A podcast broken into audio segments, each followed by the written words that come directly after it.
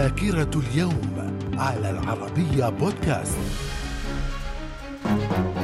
أهلا بكم إلى ذاكرة اليوم الثامن عشر من يناير ففي العام 1778 جيمس كوك يكتشف جزر هاواي ويسميها جزر الساندويتش. في العام 1863 إسماعيل باشا يتولى حكم مصر بعد وفاة عمه الوالي محمد سعيد باشا. في العام 1902 فتح مدينة الرياض على يد عبد العزيز آل سعود. من الذاكرة. ومن ذاكرة الثامن عشر من يناير في العام 1911 أول هبوط لطائرة على متن حاملة طائرات مما فتح الباب على مصراعيه لتشييد مثل هذه السفن. في العام 1943 السوفييت يعلنون كسر حصار لينينغراد من قبل الفيرماخت في العام 1949 حل جيش الجهاد المقدس الذي أسسه عبد القادر الحسيني لمقاومة قيام إسرائيل. من الذاكرة. من ذاكرة الثامن عشر من يناير في العام 1952 بدء الثورة الشعبية التونسية ضد الاحتلال الفرنسي والسلطات الفرنسية تلقي القبض على الحبيب بورقيبة.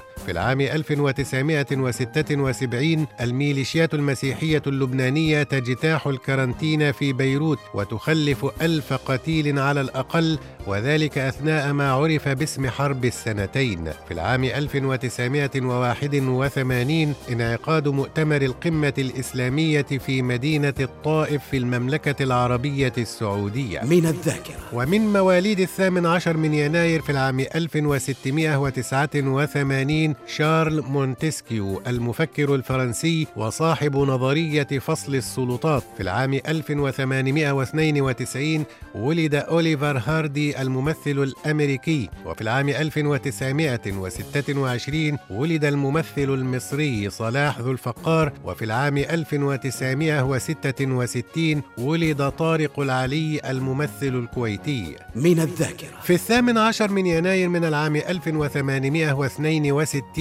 توفي جون تايلور رئيس الولايات المتحدة العاشر. وفي العام 1936 توفي مكسيم جوركي الأديب الروسي. من الذاكرة. إلى اللقاء.